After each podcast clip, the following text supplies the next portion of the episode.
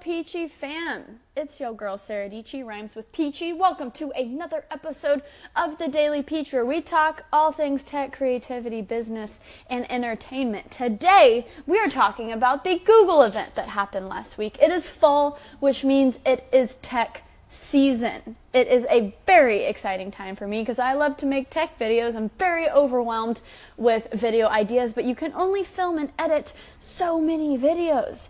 But, anyways, I'm very excited to dig into this, but I'm starting a segment that is just going to become a part of the Daily Peach up at the top. Top three tweets. Tweets, if I could say it right. I love Twitter.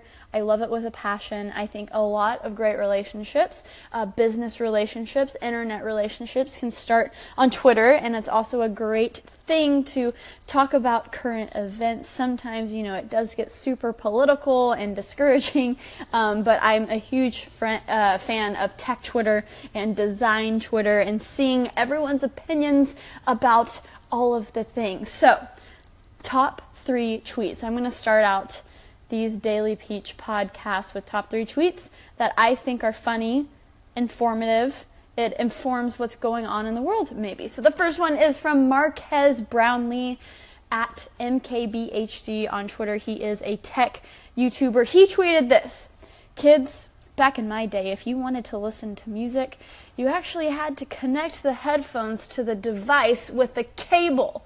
Good times. And end tweet. That is so true.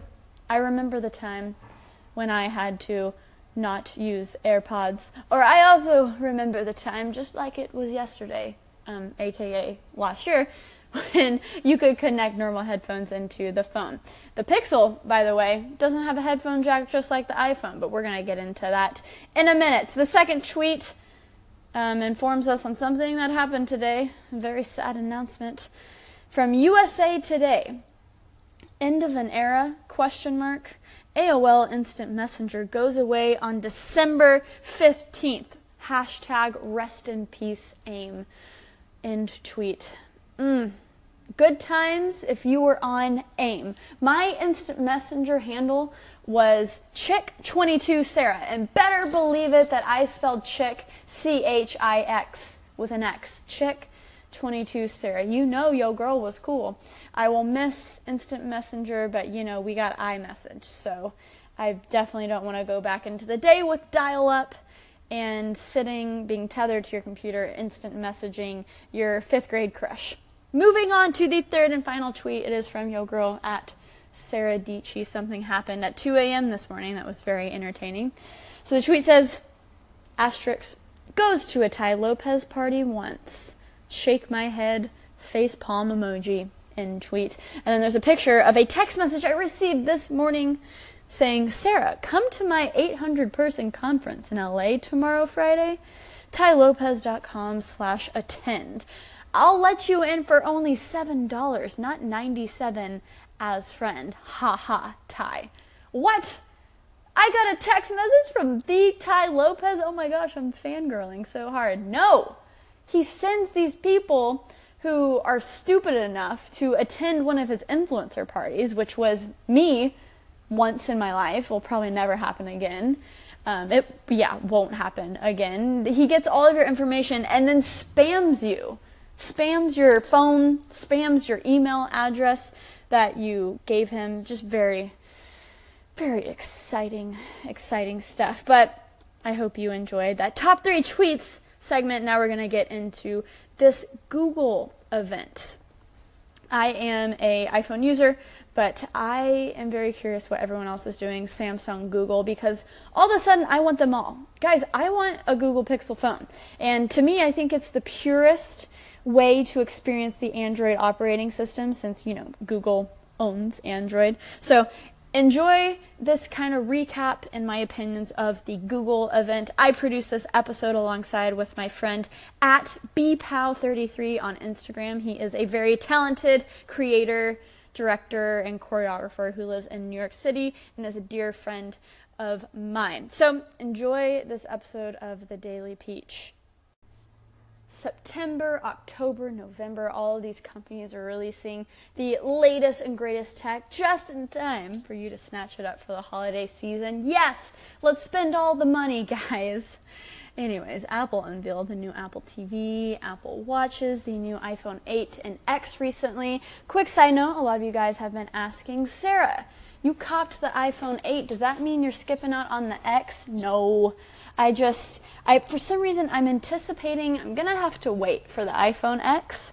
Who knows? Maybe someone uh, can hook it up along the way, but I will definitely be on my phone at midnight waiting for the release and have all my info put in, waiting to get that phone. But in the time being, I definitely have been making phones about the iPhone X, and you know, I always need the new and latest iPhone. So the iPhone 8 is my daily driver right now. But we're this isn't a podcast about Apple. I think we've talked enough about Apple in the past few weeks. I think you guys can agree. But on Wednesday, Google stepped up to the plate with a launch event of their own. So while many expected the new Pixel 2 phones after a large leak earlier in the week, I'm telling you, all of these leaks just ruin the wonder of these launch events. Anyways, Google still had a few surprises in store for us. Something, maybe a Apple AirPods competitor. That was probably something I was most interested in. But let's kind of break down what happened and what we learned on Wednesday if you are not familiar with what Google is doing. So, first up were their new Google Home products. So, Google introduced the Google Home Mini, a smaller version of their original smart speaker, and Google Home Max gonna be able to Google to the max. so this is a higher quality smart speaker meant for music. So the former is only $49 and the latter is $399. Now I'm curious. This is the question I want you guys to call in on this episode and I'm to be ending the Daily Peaches with the feedback from the Peachy fam. I want to hear your voices, and you can you can uh, tune in to the end to hear if you were featured. But I want to know do you use a home device, whether it is Amazon Echo, Google, are you holding out for the Apple home speaker? Let me know. I still haven't committed to one, um, but I think I definitely want to get the Apple one when it comes out, maybe the Amazon Echo in the meantime, because it is pretty cheap. Anyways, next up was the Pixel Book. So this is a tablet Chromebook hybrid. It's extremely light and thin and runs Chrome OS, which is interesting. So that means it has apps for days. So just all the apps. So Google says there's a Snapchat desktop app in development. So why we need that, guys, I'm not really sure. I'm really, I'm not sure, but the device is billed as high performance and starts with a um, i5 Intel Core processor and 8 gigabytes of RAM. Now, for me, 8 gigabytes of RAM, that's not really enough for all of the hardcore video editing I do. But these Chromebooks, they're getting pretty uh, impressive for the price tag that is on them.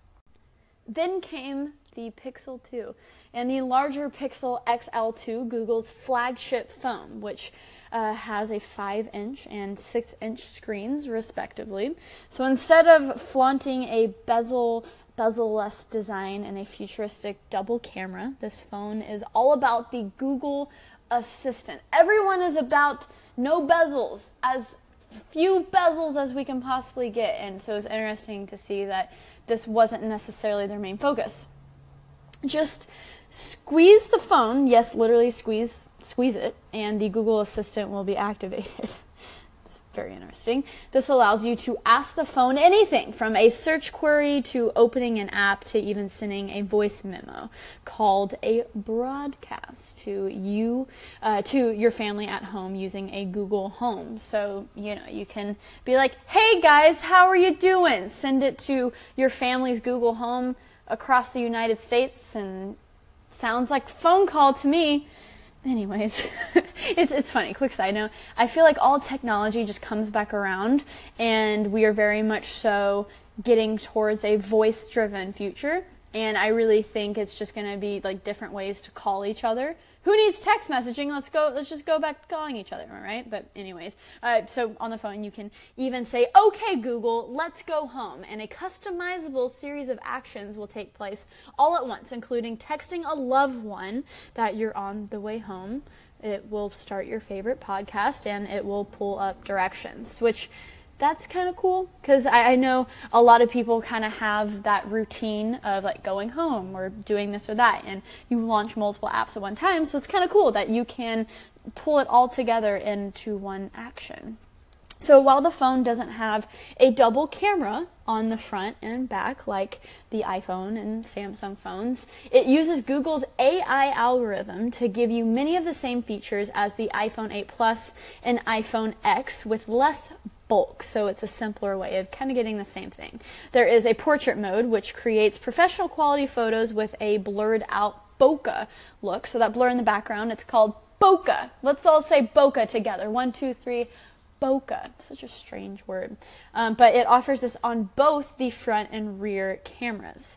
And something that they said at the Google event was we we aren't adding special features into the bigger phone just to make it's better to for you to want the bigger phone. So basically you have all of these same features in the smaller phone or bigger phone. It just depends what size phone you want. So there isn't a facial ID camera like the iPhone X where you unlock the phone with a fingerprint scanner on the back. That's what um, that's how you unlock the Google phone.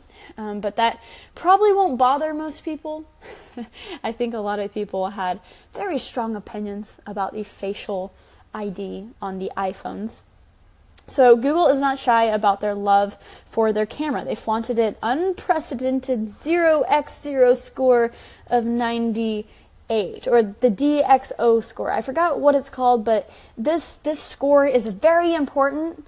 It's almost like the standard of camera scores. It's very interesting. I, I just kind of learned about it. Let me hold on i'm gonna get i'm gonna get the url pull it up for you right now so if you want to check it out it's dxomark.com and it is the the standard for image quality so it rates a lot of different cameras uh, you know whether it's an iphone or a sony a7 R2. I think that has one of the highest ratings actually right now. So, the this is the highest rated smartphone camera ever. Ever apparently. um, so Google also showed off some other exciting camera features, including one where you drop interactive AR stickers into the space, as well as Google Lens, which essentially is Google search with your phone's camera. So just point the camera at something you want to know more about, and the phone intelligently decides that you're looking for. It can also notice email addresses and phone numbers on posters or flyers so you can contact people immediately without typing. Other interesting features include an always on screen, which displays notifications and can hear the song playing in a room without launching an app like Shazam, as well as mega fast charging. You can get seven hours of battery life in just 15 minutes, which is that's insane. That's actually pretty cool. Perhaps the most impressive is the price point. So Pixel 2 starts at $649, which is $350 less than the iPhone X. To sweeten the deal, Google is even including a Google Home Mini, a smart move to tie its users into this entire Google ecosystem. Um, but Google wasn't done yet. There is where there, there were many surprises that um, you know many didn't expect. Google introduced their rival to the Apple AirPods Pixel Buds. Such a cute name, Pixel Buds. Also priced at $159, these wireless neck buds, meaning they come with a strap that can connect them, look extremely impressive. Actually, I, I was really fascinated by the gestures and how swiping one way would turn up the volume. So, um, just like similar to the AirPods, where you tap the buds to start and stop music. Um, but they also have volume control. So these Pixel Buds have volume control. But the thing that I don't like is it, it still has that strap that connects them. Something that's game changing about the Apple AirPods for me is they just fit in the ear. You don't have to worry about a string attached. And it starts and stops music automatically when you put them in your ear, and it works flawlessly with my um, Apple ecosystem, like my watch and my iPhones. Um, that's something that Brandon, uh, who is the uh, producer on the Daily Peach, he helps me out with a lot of these podcasts. He's been asking he has AirPods. He just recently got AirPods, but he's just starving for volume control. And I think that's actually something that might change with the Apple AirPods update. I have to verify this, but now you can have separate controls based on each ear. So um, for volume control on the Pixel Buds, it's like Sarah, stop talking about Apple. This isn't an Apple podcast. It's a Google podcast. anyway, so on the Pixel Buds, uh, you glide your finger forward and back along the bud, and the volume goes up or down. So it's just, it's very simple. I think Brandon might be getting these Pixel Buds because he, he's a big fan of that. so Assistant at the ready. So, this Google Assistant, when you hold down the side of the bud, you're immediately connected to Google Assistant, can speak your command or question, different from waiting for a chime when you speak to Siri. So, um, it may seem like a, a, technical, a small technical difference, but it's a large step to making a virtual assistant feel immediate, uh, always there, you know, and as Google says, radically helpful. And let's be real, how many times have you said, Hey Siri, to get no response, or started speaking before the chime, and then you get, Sorry, I didn't understand that. That's slightly frustrating. We're almost done, guys. We're almost there. A lot of things happen, but there's also Google Translate. Because the Google Assistant is again at the center of this device, Google showed off how Google Translate can function with your Pixel but so simply hold down the sensor, tell Google to translate, and start speaking. Then your phone will play what you're saying in any of 40 languages from your phone for someone to hear. Guys, does that not blow your mind? I mean, that's pretty sick. Google has so much cool technology behind this hardware that they're now producing. It gets me excited, even as an Apple user. So it also works the other way, where someone can speak to you and you'll get the translation in your native language in your ear. the demo was wildly impressive. It's possible that this is one of those features that is more of a showcase of algorithmic. Oh, I can't even see that. I, I'm getting so excited. I can't even say this word it's like more of a showcase of algorithmic power than actually practical, but it's still very, very cool.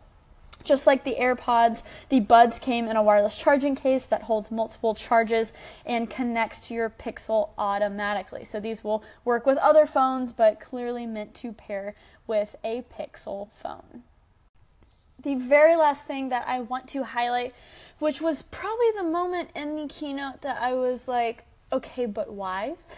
was Google Clips. So this is a small square camera that is $250, but it uses AI tech to determine what moments it should capture. There is no audio in this camera, but it's meant to clip onto things, whether it is onto, um, you know, your cabinet or you just stand it up somewhere, clip it onto your shirt or a chair. It's going to capture these moments that um, you think you want using AI technology. So the footage is stored directly into your device. So it's not going to some cloud storage that Google is then going to capture forever and use against you in the future. I think that's some something that people are kind of like, okay, that's creepy Google, you know, seems like Google and Apple and all these companies are figuring out ways to just record and listen into everything that we're doing. So they they made sure to let you know, no, this stores directly onto the device. It's not going to us uh, in any way. And um, so it's marketed specifically to like parents and pet owners, which I thought was interesting. You know, you, you don't want to miss any moment. So you need this Google Clip so it can work on a Pixel, iPhone, or Samsung device. Now, personally, me, $250 seems super steep. I maybe would be down for if it was like a hundred bucks. Um, I I honestly would not spend two hundred and fifty dollars for this when my phone is always in my pocket. Uh, it's very easy to capture moments now. It's either my phone or maybe my fancy camera. I'm not sure about this clip. I, what do you guys think? I don't think it's game changing or anything, but it'll it'll be cool to see how it is in practice and how it uses this AI technology to really learn who you are, the faces of your family members and your pets, so it knows to really only hone in on your moments and to see if that really works over time. So with this event, Google made it a clear statement about their path for the future and as well of the brand. They kept saying this phrase at the intersection of software, hardware, and AI. So they're creating this huge ecosystem. Yes, they have the software, but now they have this hardware to accompany it, which is a very similar move, even though they are very different companies. You can use, for an example, Microsoft. Just recently, Microsoft has leaned so hard into hardware, hardware uh, with their books with their tablets, and it is becoming overwhelming for me. I mean, that's kind of my opinion on all these things where I love technology, so I'm like, give it to me, I want it all.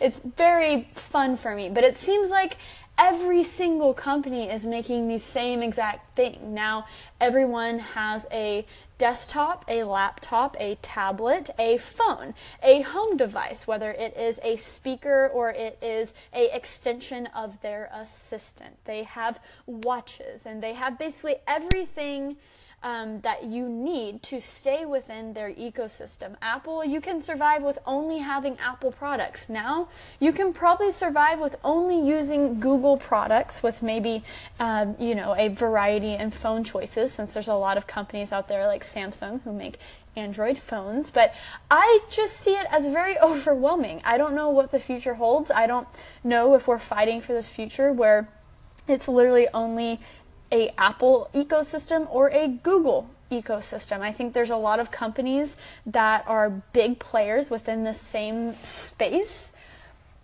But I, I just see it as boiling down to really only two or three big players in terms of hardware and software. But I definitely want your opinion. I want to hear from you and also call in and let me know if you have a Amazon Echo, Abe. are you going to buy an Apple Home? Do you trust those devices in your homes? Are they listening all the time? Does that make you nervous or maybe you're just like screw it, you know, we've had phones, smartphones for so long. I'm sure they're they've been listening, you know, but oh, this is overwhelming. This is a lot right? A lot of tech to think about, but I hope you enjoyed it. Um, let me know if you did. Subscribe to this podcast if you're listening to on iTunes or Anchor. Shout out to at bpal33 on Instagram for helping me out with this. And until next time, oh my gosh, I almost said stay peachy. Happy hustling, my internet friends. Bye.